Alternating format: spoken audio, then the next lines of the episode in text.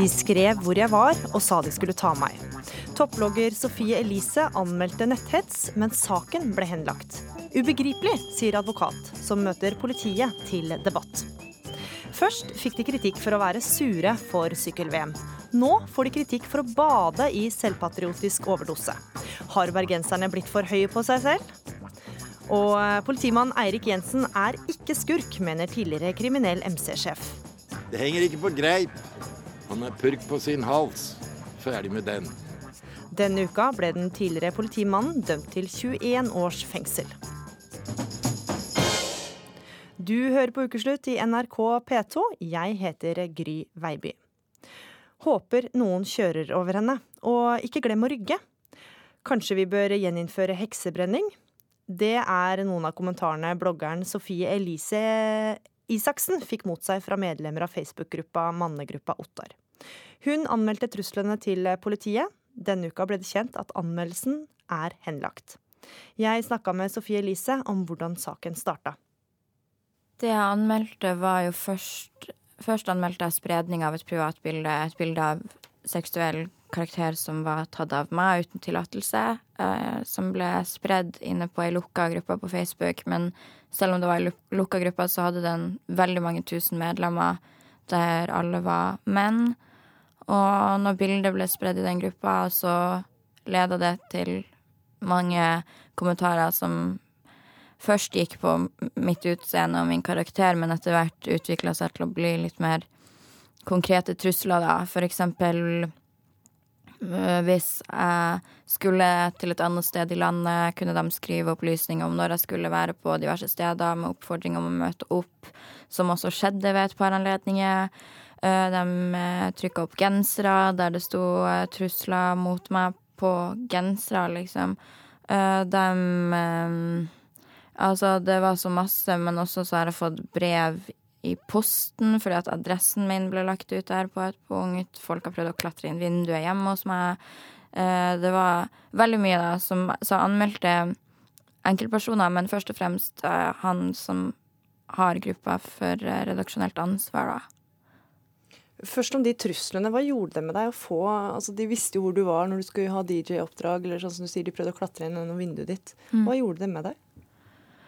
Altså, jeg anser meg selv å være en ganske sterk person, fordi at jeg har holdt på med det her, eller vært eh, offentlig person i et par år, og er liksom godt vant til å få stygge kommentarer. Eh, men det er første gang i mitt liv jeg følte på et, en redsel, da.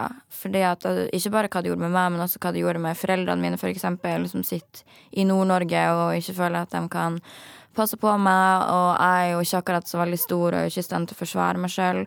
Um, så jeg var jo ganske sikker på at For at jeg vet at politiet har mye å gjøre, jeg vet at det er begrensede ressurser, men jeg var så sikker når jeg anmeldte denne saken på at jeg kom til å få hjelp da. Så det var liksom en liten trygghet. Men nå når jeg for noen måneder siden fikk vite at den var henlagt, så kom liksom alle de følelsene tilbake igjen. da. Politiet mener at det ikke er tilstrekkelig bevis for at det er begått noe straffbart. Hva tenker du om det? Jeg tenker jo at det er helt uh, sykt. Den, det det forteller meg jo det at jeg må bli alvorlig fysisk skada før det er nok bevis, da. Og det er jo skummelt å tenke på at det liksom skal måtte gå så langt. Men det med eksempel den bildespredninga og sånn, der hadde jeg såpass tydelig bevis at den som hadde tatt bildet og sendt det ut uten min tillatelse, hadde skrevet Men jeg sendte det jo bare til fire stykk. Og det var også sånn Og det er ikke godt nok bevis. Så da lurer jeg på hva, hva er Man får jo høre at det er ulovlig, men tydeligvis er det jo ikke det. Altså, Når de som skriver dette, her blir konfrontert med det, de har jo blitt det i forskjellige kanaler, VG bl.a., så ja. sier de at det er tull eller ironi, og at de ikke mente det de skrev. Hva, hva tenker du om det? Um, nei, det er jo flott om det er tull og ironi, men uh, jeg føler at det har jo ingenting å si. Skal man liksom komme unna med alt mulig fordi at det er tull og ironi? Det er ikke fuckings tull og ironi å spre et bilde, beklager ordbruken, men det er jo ikke tull og ironi å gjøre det så vanskelig for en person som de har gjort det før meg. Jeg føler ikke at drapstrusler kan være tull og ironi. I så fall har man veldig dårlig humor, og da burde man egentlig bli straffa for det også. Men den belastninga det her har vært for meg, ikke minst min familie, er ikke tull. Og jeg kan ikke fatte at voksne personer med familie og jobb, og at de får lov å ha Facebook, kan lire av seg sånne ting, og så bare 'Å nei, jeg bare tulla'. Jeg syns det er helt ufattelig. Du sier drapstrusler. Politiet mener jo da at det ikke er tilstrekkelig bevis for trusler. da. Kan du si noe mer om hva slags trusler det var? Nei, altså Noen av truslene er jo litt mer sånn at man kan tolke det som tull eller ironi. F.eks. at man skal kjøre over meg, eller at man burde innføre heksebrenning. Folk har også redigert bilder der de liksom har tatt hodet mitt på uh, fanga i konsentrasjonsleirer på vei inn i uh, gasskammer og sånne ting. Og det er jo greit, eller det er jo ikke greit nok, men jeg kan forstå at det liksom kan være spøk. Og, men når folk da skriver sånn hun er DJ i Molde på den og den dagen, hun er der da og da. Kan noen dra bak ishallen og liksom drepe henne eller voldta henne og vise henne hva hun liksom legger opp til? Og, liksom, og folk sier ja, jeg bor der, jeg kan gjøre det. Jeg skjønner ikke at det liksom ikke betyr noen ting, da. Og folk legger ut adressen min og er sånn her og her bor hun.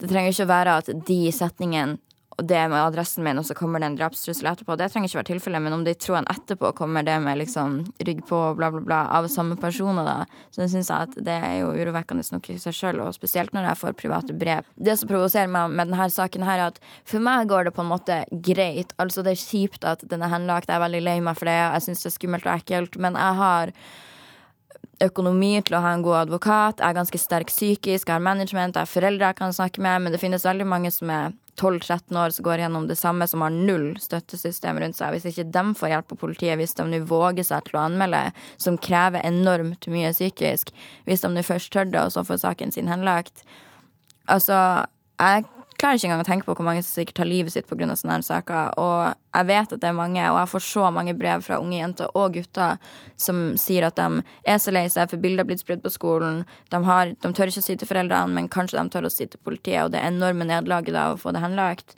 det gjør mye med deg som person, da. Hva tror du det gjør med folks rettsfølelse at denne saken har blitt henlagt?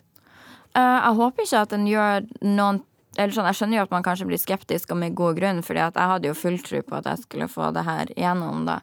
Men jeg, jeg syns at man burde fortsette å anmelde, for dessverre så er det sånn at det man ser i media av at noen har fått dømt trusler på internett eller bildespredning, når man ser at noen får dømt det, så er det dessverre unntaket og ikke regelen. Men jeg håper jo at det kan bli regelen hvis mange nok anmelder, og politiet kanskje får noen ordentlige rutiner på det. Så hvis ikke for oss, så kanskje for framtidige generasjoner, at de kan oppleve en annen type rettssikkerhet på det her enn vi gjør da. Sa blogger Sofie Elise Isaksen da jeg snakka med henne tidligere. Administrator i mannegruppa Ottar, der truslene ble ytra og bildet ble sendt, eh, spredt, Kai Eriksen, sier til ukeslutt at man ikke kan dra alle over en kam pga. det noen få i gruppa har gjort, og at han som administrator ikke kan stå til ansvar for hva andre gjør på internett. Vi gjør vårt beste for å holde grumset borte, sier han til ukeslutt. Konstituerte påtaleleder for politiet i Vestfold, Magnar Pedersen, det er dere som har henlagt saken. Hva er begrunnelsen for det? Ja, begrunnelsen for oss er bevisets stilling. Det er sånn i korte trekk. Men etter å ha lest igjennom saken og anmeldelsen, eh, så deler vi ikke fornærmedes eh, oppfatning. Vi leser disse meldingene eh, annerledes enn det fornærmede leser, og tar det ut.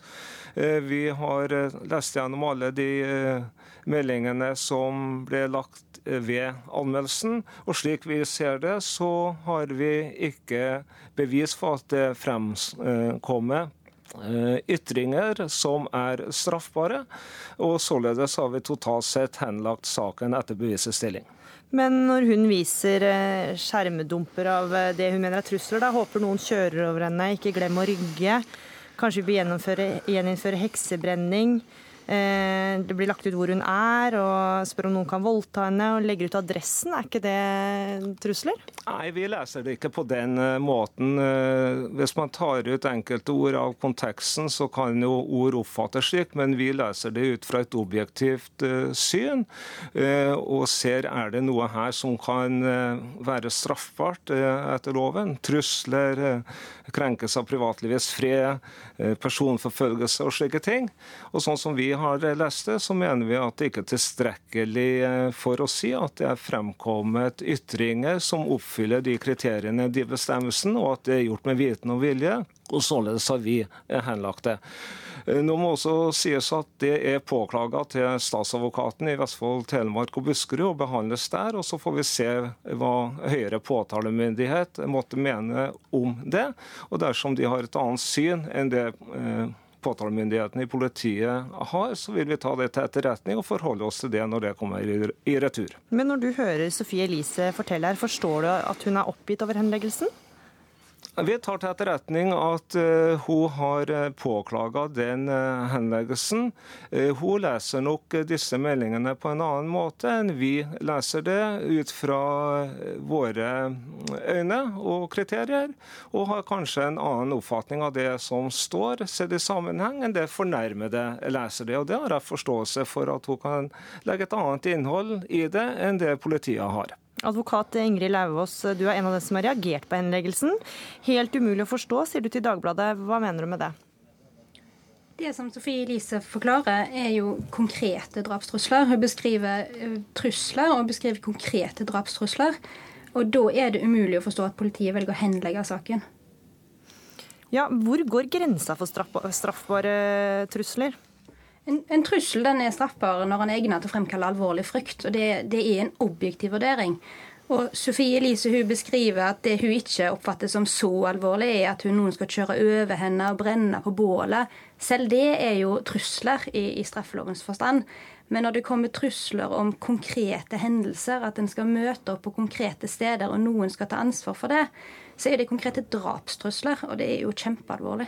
Pedersen, hva sier du til det?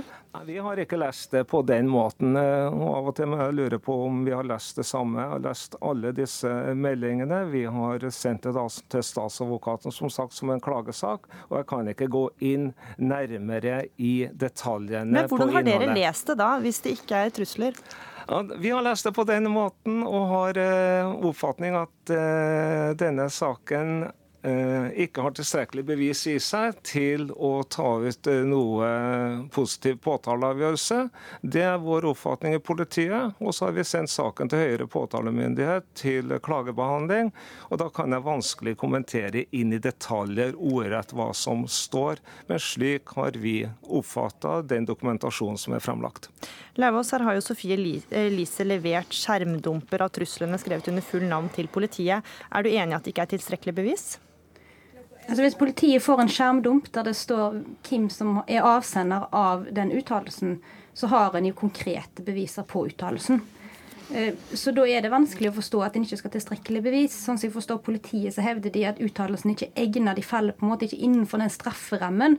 Og det er jo, Nå har ikke jeg sett selve uttalelsene, men ut ifra det Sofie Elise beskriver om konkrete eh, drapstrusler på konkrete steder, så er jo det rett og slett umulig å forstå. Pedersen? Jeg synes det er jo ganske fantastisk å uttale seg uten å ha lest alle disse skjermdumpene. Én ting å høre hva en fornærmet forklarer, men vi har lest gjennom dette og har trukket vår konklusjon. Eh, og så får vi jo avvente høyere påtalemyndighets eh, vurdering av eh, saken når de har den til klagebehandling. Lauvås, du har jo jobbet med sånne typer saker sjøl tidligere og har en erfaring at politiet ikke tar slikt alvorlig nok, sier du til Dagbladet. Hva mener du med det? Nei, det, det, blir på en måte ikke tatt tak i. Eh, om det er mangler på prioritering eller om det er ressurskortet, det kjenner en ikke til. Men en opplever det blir ikke tatt tak i. Og Internett per i dag er jo et eget samfunn, eh, og unge i dag, det er der eh, livet leves.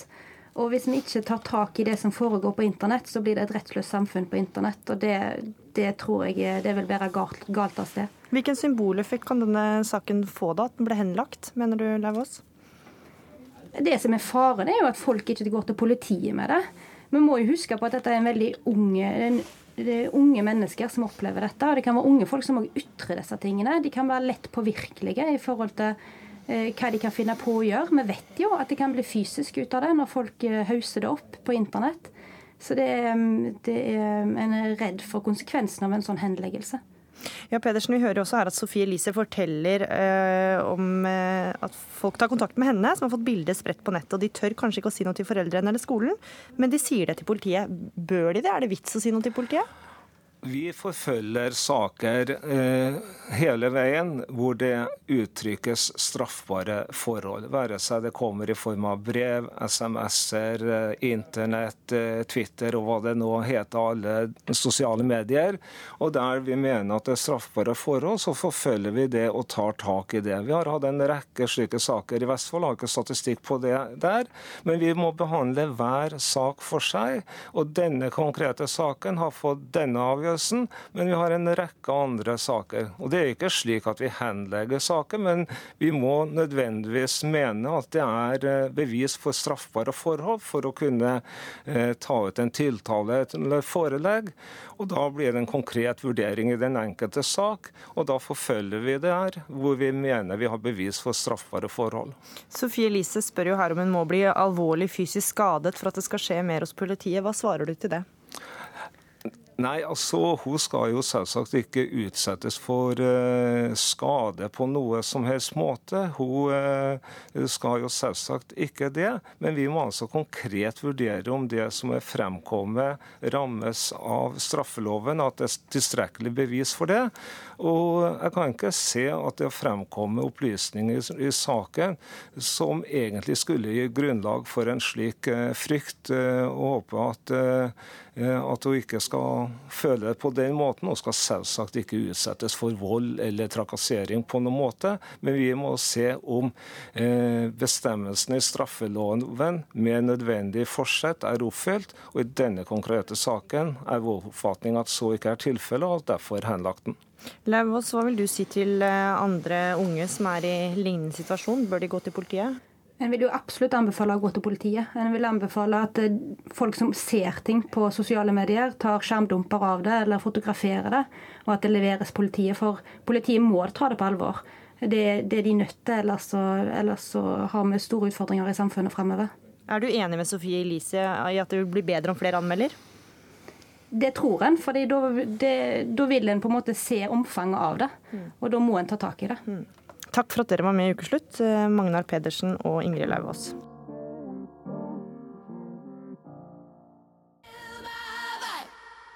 Don't Kill My Vibe med norske Sigrid.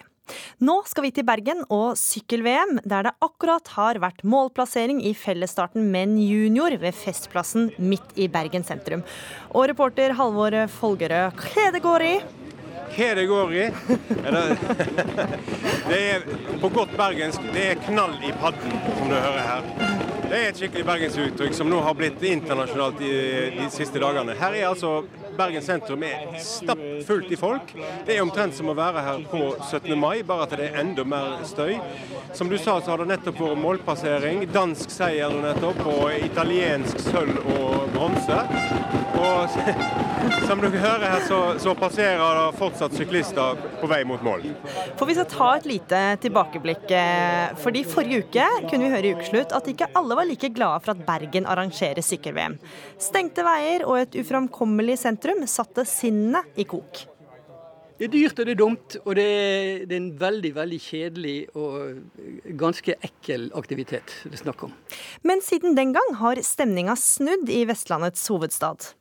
Bergensere de er stort sett motstandere utover alt. Sant? Men når tingene kommer og går seg til, så omfavner du det likevel. Sant? Jeg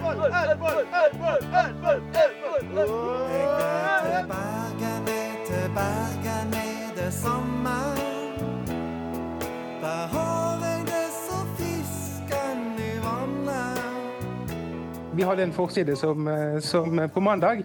Tittelen på den var 'Herregud, hvor god vi er'. Det, det var, det var tittelen og eh, et flott bilde av folkefesten som var her på søndag. Og nå får de jammen meg kjeft for å være for begeistra. Bare hør på VG-journalist og eksilbergenser Gordon Andersen i gårsdagens Dagsnytt 18. Jeg mener jo det at eh, den dekningen som i hvert fall lokalavisene og regionsavisene i Bergen by har hatt disse dagene, det, er, det, er, det, det tenderer mot eh, selvpatriotisk overdose, som jeg eh, skriver da. Det er akkurat som det er Man hyller Bergen by, og man hyller sin egen fortreffelighet nesten, og sin egen evne til å avholde dette VM-et. Det er liksom det som er i fokus. Nå skal jo de også ha Tour de France som neste, liksom. Ja, Halvor Folgerø, Merker du noe til at bergenserne virker litt høye på seg selv?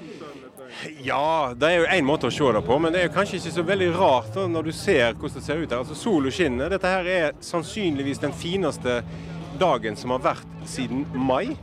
Og eh, OK, det ligger på en måte i bergensernes natur å, å bli begeistra. Og noen syns kanskje at det blir litt i meste Jeg står her med eh, tre karer. En østlending, en bergenser og en fra Nordfjord. Begynner med bergenseren.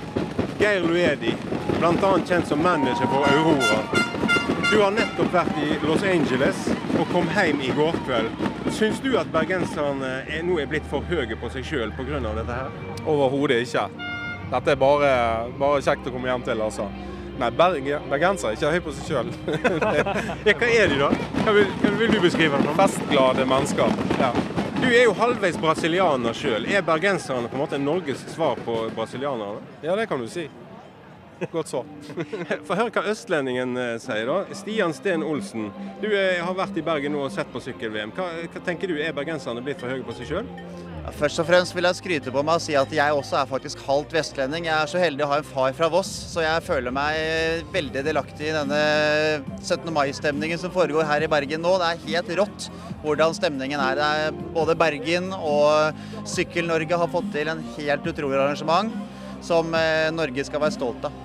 Er det ingen her som kan ta dette litt ned? Altså, her får du altså skryt fra østlendingen òg. Da prøver jeg meg på, eh, på, han fra Nordfjord.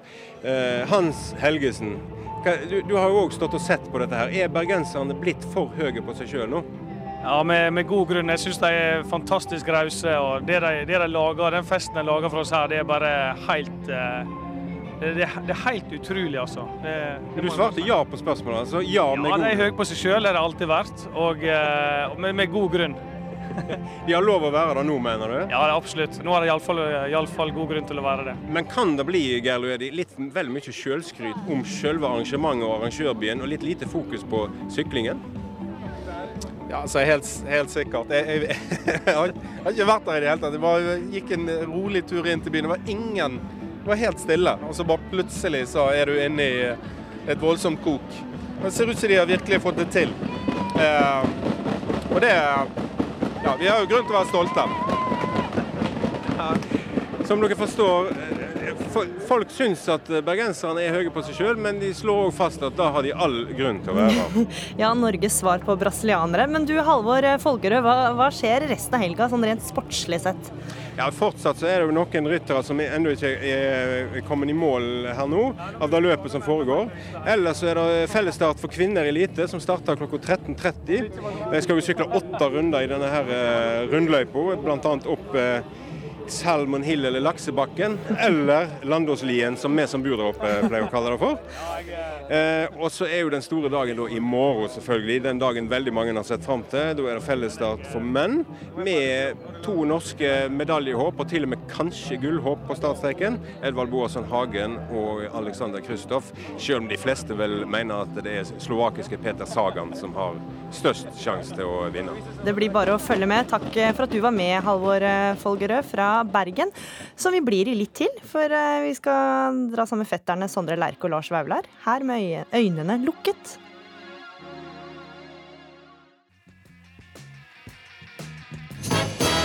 Du hører på Ukeslutt i NRK P2, og fortsett med det. Velferdspartiet, Distriktspartiet eller Norgespartiet, høres det ut som noe for deg? Flere ville stemt ved valget dersom partiene hadde hatt mer forståelige navn, mener kommunikasjonsrådgiver. Og mange drosjesjåfører har opplevd vold på jobb. Så begynte han jo å legge armen rundt hodet og presse meg mot uh, nakkeputer. Sånn at hodet gikk jo oppover og bakover, så jeg kunne jo ikke kjøre bil da. Denne uka ble en sjåfør alvorlig skada. 21 års fengsel. Det var dommen den tidligere politimannen Eirik Jensen fikk for medvirkning til innførsel av hasj, grov korrupsjon og flere brudd på våpenloven. Men det er noen som fortsatt stiller seg spørsmålet om Jensen er purk eller skurk. fatter ikke sjøl hva de driver med. Ja, men, se på alle de store sakene han har rullet opp i mellomtiden. Mens han liksom skal være i ledtog med den største hasjsmugleren i landet. Det, altså, det henger ikke på greip. Midt i hjertet av Oslo, på Egon utenfor Oslo S, sitter han som har blitt kalt verdens farligste mann. Tore Henki Holm Hansen var tidligere europaleder for MC-gjengen Outlaws, og har kjørt Harley med Eirik Jensen i mange år. Ja, altså jeg sier det fortsatt, for han, eh, han var stram i linjen når det kom til å være purk. Men at han var rund i kanten for å bli, eh, komme innpå folk, ja, og det var han flink til. Men hvor rund i kantene var egentlig Eirik Jensen? På mandag fikk hele Norge høre svaret på det spørsmålet. Jensen har således aktivt og forsettlig psykisk medvirket i en velorganisert, profesjonell og sammenhengende hasjimport i et omfang som savner sidestykke i norsk rettspraksis. Dommer Kim Heger trodde ikke på Eirik Jensen i Oslo tingrett. Gjermund Cappelen derimot var fornøyd med å bli trodd på. Jeg er glad for at jeg ble trodd. Det er den eneste kommentaren jeg har. Etter dette kan retten ikke se noen formildende omstendigheter. Eirik Jensen, født 30.07.1957, dømmes til fengsel i 21 år. Nei, dette er intern eh, eh, liksom eh, posering. Det er eh, Altså, de ville han til livs, for han, eh, han var så rund i kantene og litt eh, Kanskje litt utenfor sporet. Men han fikk det til. Og det var det mange som ikke likte. Tore Henki Holm Hansen tror ikke denne saken handler om narkotika eller korrupsjon i det hele tatt. Han syns han handler om misunnelse. Mm, Altså til de grader. Altså, det, er, det hele hviler på at eh, faen, han skal få alle disse her tjenestemedaljene og all denne æren og sitte som nest, eh, nesten som nestkommanderende i politi, som rådgiver, øverste rådgiver til politimesteren. Ok, Mens resten må gå og slite på jobben ikke sant, for å få ma- bemerkning. På gata i Oslo er det ikke så mange som er enig med Henki. Han er Eirik Jensen. Er han purk eller skurk? Skurk. Hvorfor det? Fordi han har vært en bad purk. Ja, han var vel han som var litt skurk, da. han er vel en skurk, da? Skurk. Er du helt sikker? Helt sikker. Eirik Jensen, purk eller skurk? Begge deler. Selv etter dommen på mandag er det mange som ikke klarer å bestemme seg for om Eirik Jensen er purk eller skurk. God dag. Tidligere kollega, nå krimforfatter Hanne Kristin Rode, syns ikke det er det som er viktigst. Men det er jo ikke det viktigste. Det aller viktigste er at vi har et helt rent norsk politi. Vi må rydde. Hvis det, vi har medarbeidere fra tid til annen som gjør straffbare handlinger, så må det frem i lyset. Vi må ha en tilstrekkelig oppdagelsesrisiko også innad i norsk politi. Rode sier hun først og fremst kjente Jensen som en ressurs i politiet. Slik jeg lærte han å kjenne, så var det en ressurs i Oslo politi. En, et menneske, en kollega som kunne veldig mye, som hjalp oss i straffesaker.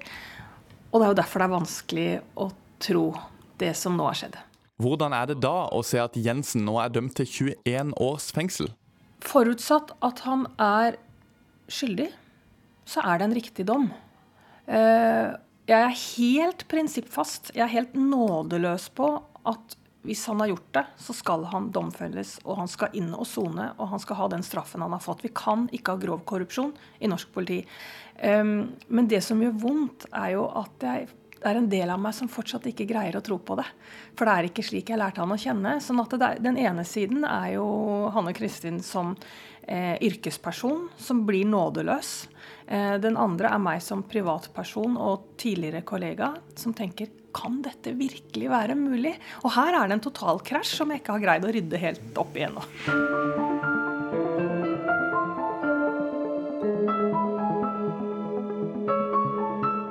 NRK-journalist Runar Henriksen Jørstad er en av den som kjenner saken aller best, gjennom podkasten Purk eller skurk.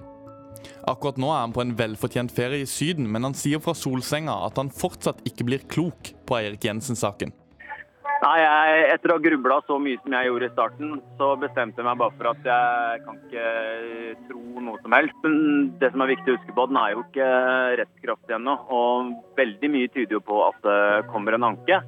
Eh, Og hvis det gjør det, så må jeg si at jeg er veldig spent på hvordan en eh, jury i lagmannsretten vil eh, behandle dommen. For da er det jo plutselig lekfolk som skal avgjøre om Erik Jensen er skyldig eller ikke.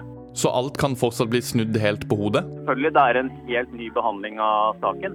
Så sånn sett så kan det jo gå den andre veien hvis de mener at bevisene holder. Men det er heldigvis opp til dem å avgjøre, ikke meg. La oss satse på at uh, der kan fornuften seire. Hele greien er sinnssykt. At disse dommerne ikke tenker lenger enn nesetuppen sin. Det... Men Tror du det ender på denne måten? Nei, jeg får da inderlig ikke håpe det. Eh, Eirik Jensen, purk eller skurk? Han er purk på sin hals. Ferdig med den. Og reporter her var Daniel Eriksen. Eirik Jensen har fortsatt en drøy uke på seg til å anke. Hans advokat Jon Christian Elden sa etter at dommen ble kjent at det er mellom 99,9 og 100% sjanse for at de kommer til å gjøre nettopp det.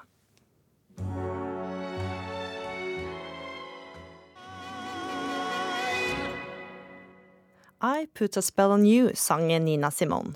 Nå skal det handle om partinavn. Høyre, hele Høyre. Arbeiderpartiet. Høyre, Høyre, Frp og Venstre eller Høyre, Frp og KrF? Gøyere for SV å drive valgkamp i år. SV valgkamp i år. Arbeiderpartiet. Stor skuffelse for Arbeiderpartiet. Arbeiderpartiet. Høyre, Høyre, Frp og Venstre eller Høyre, Frp og KrF? Hele Høyre, hele Høyre. Eh, Og av regjeringspartiene å takke for den tilliten. Fremskrittspartiet. Vi i Senterpartiet, Senterpartiet Fremskrittspartiet for at vi tar opp dette. Hele Høyre. Kan det være at hjemmesitterne ikke kom seg opp av sofaen for å stemme fordi partiene har så uklare navn at de ikke skjønner hva de står for? Det spør du om i en kronikk i Dagbladet, kommunikasjonsrådgiver Harald Nyquist. Du etterlyser en språklig opprydning av partinavn. Hva er problemet med dagens navn på partiene? Problemet er at det er for dårlig samsvar mellom eh, partinavnene og partiprogrammene. Og navnene bidrar til å gi et eh, uoversiktlig bilde av det politiske landskapet. Det er eh, mange av disse navnene som ble laget for over 100 år siden, Høyre, Venstre, Arbeiderpartiet, de er fra en annen tid. Mm. Det er en ny tid nå, og jeg syns det er på tide med nye navn. For du kom med en rekke forslag til hvilke andre navn. Hvilke, navn burde, eller hvilke partier burde skifte navn? Ja, jeg har foreslått navn til alle partiene, egentlig. Det var ingen som slapp unna. Men eh, Høyre for eksempel, foreslår jeg Næringslivspartiet. Eh, for Venstre så foreslår jeg Kunnskapspartiet. Eh, for eh, Arbeiderpartiet foreslår jeg da mm, Velferdspartiet. For alt, Poenget med dette er at det skal være enklere å skjønne hva partiene står for. Ja, jeg tror det er nyttig for Mm. velgerne. Nils Apeland, du er kommunikasjonsrådgiver og underviser i PR på Høgskolen Kristiania. Hvor vellykka er det med et navnbytte? Altså et navnebytte det er noe av det mest dramatiske et firma eller en organisasjon eller et parti kan gjøre. Så de aller fleste vil jo ikke tenke tanken engang. Men det er en masse eksempler på gode navnebytter, både norsk og utenlandsk historie. Da jeg var liten, så husker jeg pappa satt og leste Norges handels- og Sjøfartstidene, Mamma sverget til Arbeiderbladet. Jeg satt ved siden av og spiste cornflakes med melk fra Fellesmeieriet, og den var kjøpt på S-laget eller Oluf Lorentzen nede i veien. Og når mamma ikke jobbet, så gikk hun på møter i husmorlaget. Alle de navnene jeg nå nevnte, finnes ikke lenger. Mm. I dag leser vi Dagens Næringsliv og Dagsavisen. Vi har melk fra Tine, og vi har pengene våre i DNB og kjøper varene våre på Coop. Så det viser at det å bytte navn det kan være veldig smertefullt der og da, men ofte så er det riktig. Og jeg mener at noen av dagens partier burde vurdere å bytte navn. Ja, Hvilket parti da, f.eks.? Aller først mener Arbeiderpartiet at det navnet er gått ut på dato. Nå hopper sikkert Ap-folk i stolen der hjemme, men, men jeg tror årsaken er at svært mange mennesker i dag kjenner seg ikke igjen i arbeiderbegrepet. Det er laget i en annen tid, som Nyquist sa, og det representerer en veldig tydelig sånn klasseskille mellom da arbeidsfolk og kapitalister. Det er klart, det skillet er i noen grad i Norge i dag, men det er mye mindre. Eh, Så Det er det ene partiet. Jeg tenker også at Kristelig Folkeparti eh, muligens vil oppleve å råtne litt på rot, eller dø eh, i en eller annen sammenheng på lang sikt, fordi det virker ekskluderende, bl.a. for folk som ikke oppfatter seg som kristne. Og det siste er kanskje Venstre, som ligger til høyre. Ja, Du får realitetsorientere oss litt. Tone Sofie Aglen, du er politisk redaktør i Adresseavisen. Hvor realistisk er det at noen av partiene vil endre navn? Nei, jeg tror nok ikke. Det er noe de grubler veldig mye på nå. Eh, I Norge så er partinavn veldig etablert, og vi vet jo det at det er nettopp parti som betyr mest for folk sitt partivalg. Vi så jo f.eks. i Frankrike at den nye presidenten Macron han skifta jo navn på partiet én måned før valget. Det ville neppe skjedd i Norge. Samtidig så er det jo eksempler på partier som har bytta fra konkrete navn. Eh, Frp heter jo Anders Langes parti til sterk nedsettelse av skatter, avgifter og offentlige inngrep. Eh, Det er jo konkret så det holder, men ikke akkurat velklingende. Og Senterpartiet heter jo Bondepartiet fram til 1959. Onde tunger vil sikkert eh, mene at det navnet fortsatt passer litt, men jeg tror ikke partiene ønsker et så begrensende navn. Samtidig så syns jeg jo det er noen poeng, og kanskje særlig gjelder det et parti som Venstre som eh, jeg tror en del blir litt sånn forvirra av ut fra den politiske skalaen. Samtidig så er det det første partiet i Norge. De etablerte sitt parti når, andre, når det ikke var noen andre parti, og jeg tror de har en så stolt eh, partihistorie at de kommer nok aldri til å bytte bort det navnet. Nyquist, altså du vil jo snevre inn litt, sånn at det blir lettere å skjønne hva partiene står for. Men er det ikke da en viss fare for at de virker sånn, altså for en ensaksorientert, da? Jo, altså rene sakspartier, det er ikke en del av det jeg foreslår. Så du vil ikke tilbake til Anders Langes parti? Nei, det blir for smalt. Men uh, det er uh, mulig å tematisere partiene bedre gjennom partinavnene. Og jeg, det jeg tror er at det er relativt få Høyre-velgere som ville slutte å stemme på Høyre hvis det ble døpt om til Næringslivspartiet. Altså jeg tror risikoen er relativt uh, liten. samtidig så tror jeg at et navnebytte for mange av partiene vil bety at de er nødt til å gå gjennom partipolitikken sin og trekke ut noen få ord som de mener er det de skal stå for, og la det bli gjenspeilt i navnet. Hmm. Men Apeland, det er jo ikke alltid det er så vellykka. Hvilke eksempler på navnbytte er så mislykka at de har havna i lærebøkene? Mange har vi sannsynligvis glemt, men verdens mest kjente eksempel er sannsynligvis da Coca-Cola i 1985 endret, endret navnet og produktet til New Coke. Uh, og da uh, for å fri, eller til disse uh, som mente at Pepsi var litt bedre, for var litt søtere. Det tok tre måneder, og så var vi tilbake igjen. Men Coca-Cola i USA selges sånn som Coca-Cola Classic, nettopp fordi det tydeligere at det er den ordentlige varen. Så det var et mislykket navnebytte. Aglen, vi har de siste dagene hørt om rasende Arbeiderparti-veteraner etter at Trond Giske ble partiets nye finanspolitiske talsperson framfor Marianne Martinsen. Og det ble vel heller ikke bedre av at Giske omtalte partiets andre nestleder Hadia Tajik for flink ung jente i et intervju. Altså, Hvordan skal et parti som ifølge Arbeiderparti-veteran Lisbeth Berg-Hansen er midt i et gjørmebad, klare å bli enige om et navn? Ja, Det tror jeg jo ikke de klarer, men nettopp Arbeiderpartiet så kommer det jo med jevne mellomrom et og annet forslag om at navnet er gammeldags og litt utdatert, og mener at man bør få et litt mer moderne navn, f.eks. Sosialdemokratene eller noe sånt. Men det partiet hvor jeg opplever kanskje at det er en mest eh, åpen debatt akkurat nå, er i Kristelig Folkeparti, hvor den gamle Vårt Land-redaktør eh, Helge Simones gikk ut og mente at det kristelige skremmer bort velgere og anmoda til å fjerne det. Samtidig så tror jeg at det er nettopp det her med kristendom som gjør KrF unikt, og jeg tror nok de vil være veldig redd for å fjerne det navnet. Men der er det nok eh, en uenighet, og folk som ønsker litt begge deler. Ja, for På Facebook-siden til den kristne avisa Dagen så strømmer det jo på med alternative navneforslag som Verdipapiret, Omsorgspartiet, Religionspartiet. Kunne det vært noe? Religionspartiet f.eks.?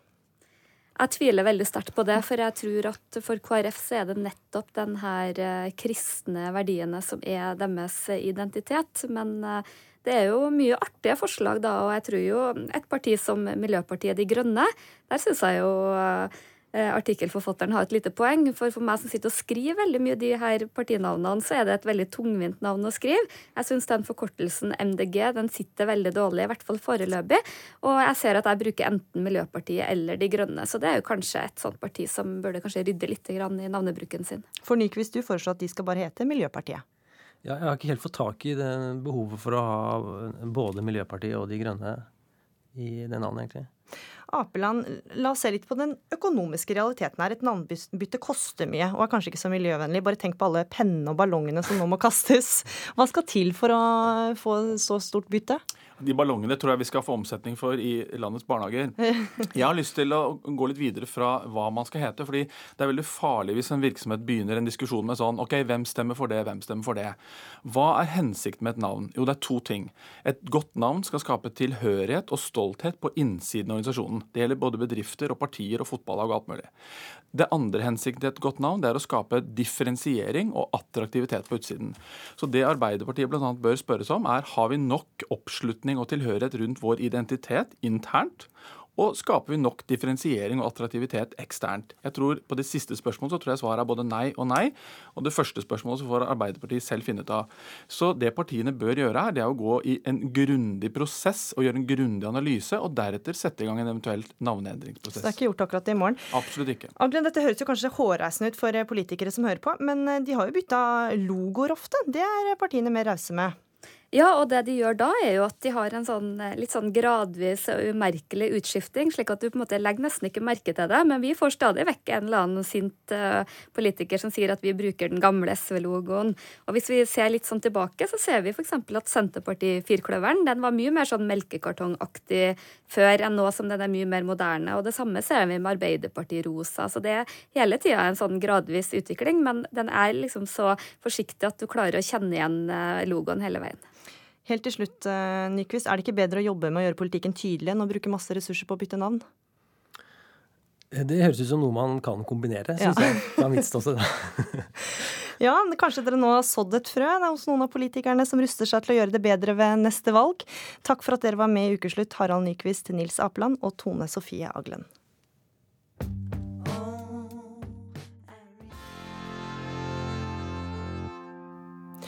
Ny låt fra Jonas Alaska, 'Back to School'.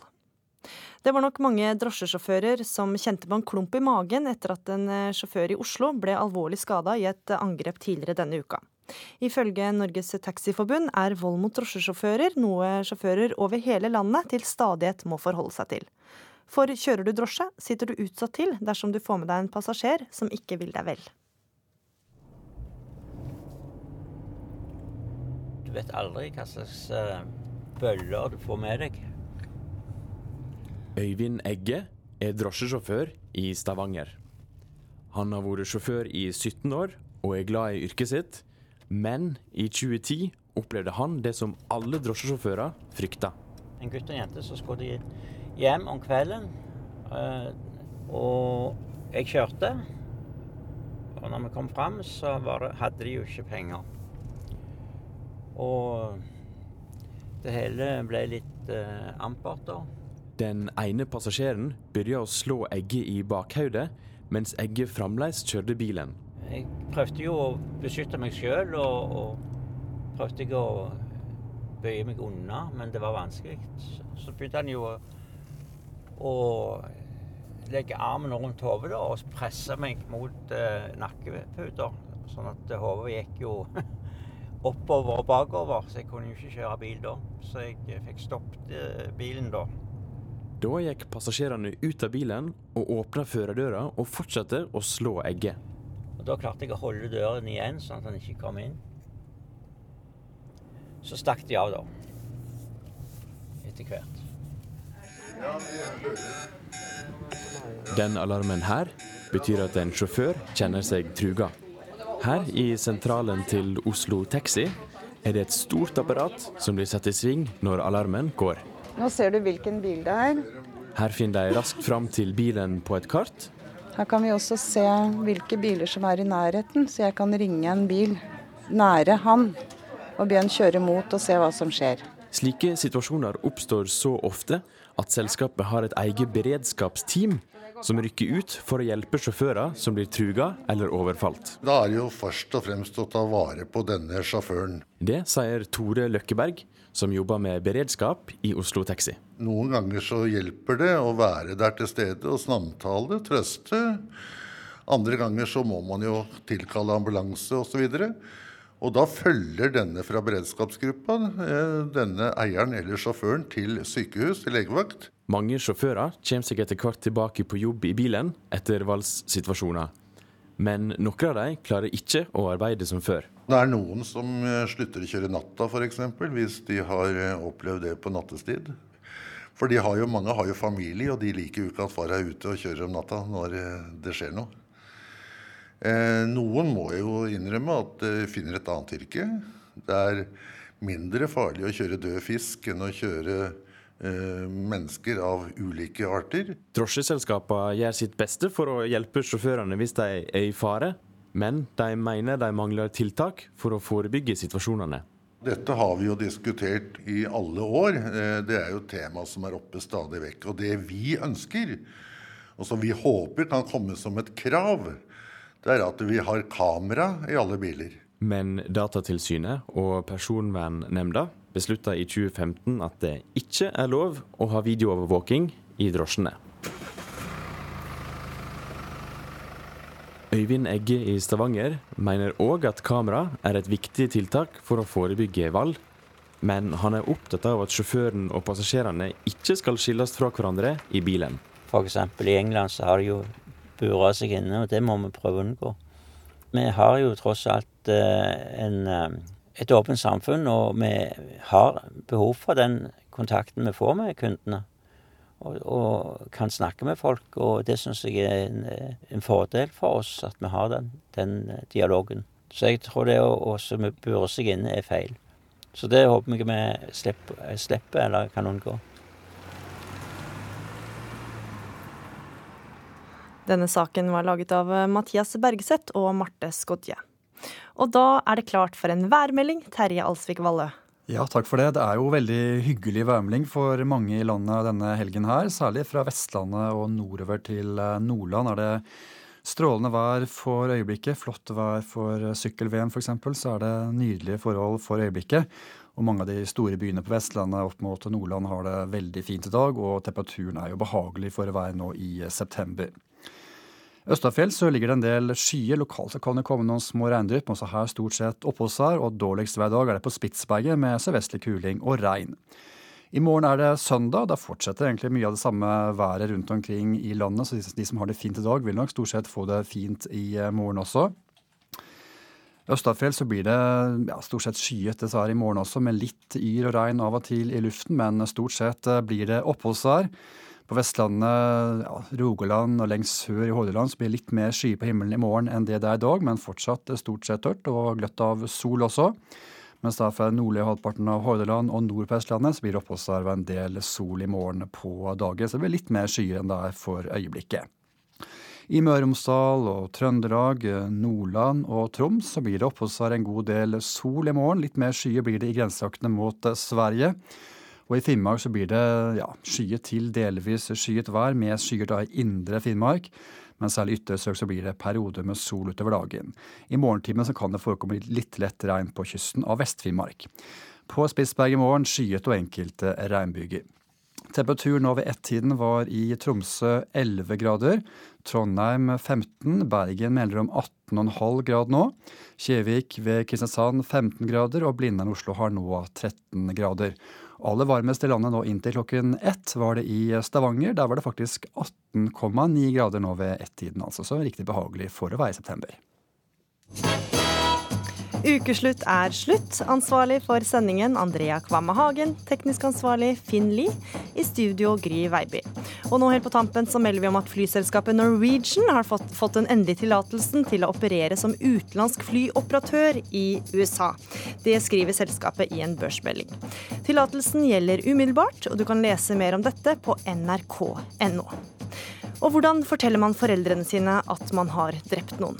Bli med bak murene i Røverradioen på NRK P2 om et par minutter. Takk for at du hørte på Ukeslutt. Ukeslutt kan du høre når du vil, hvor du vil. Enten som podkast eller i NRKs nettspiller, som du finner på nrk.no.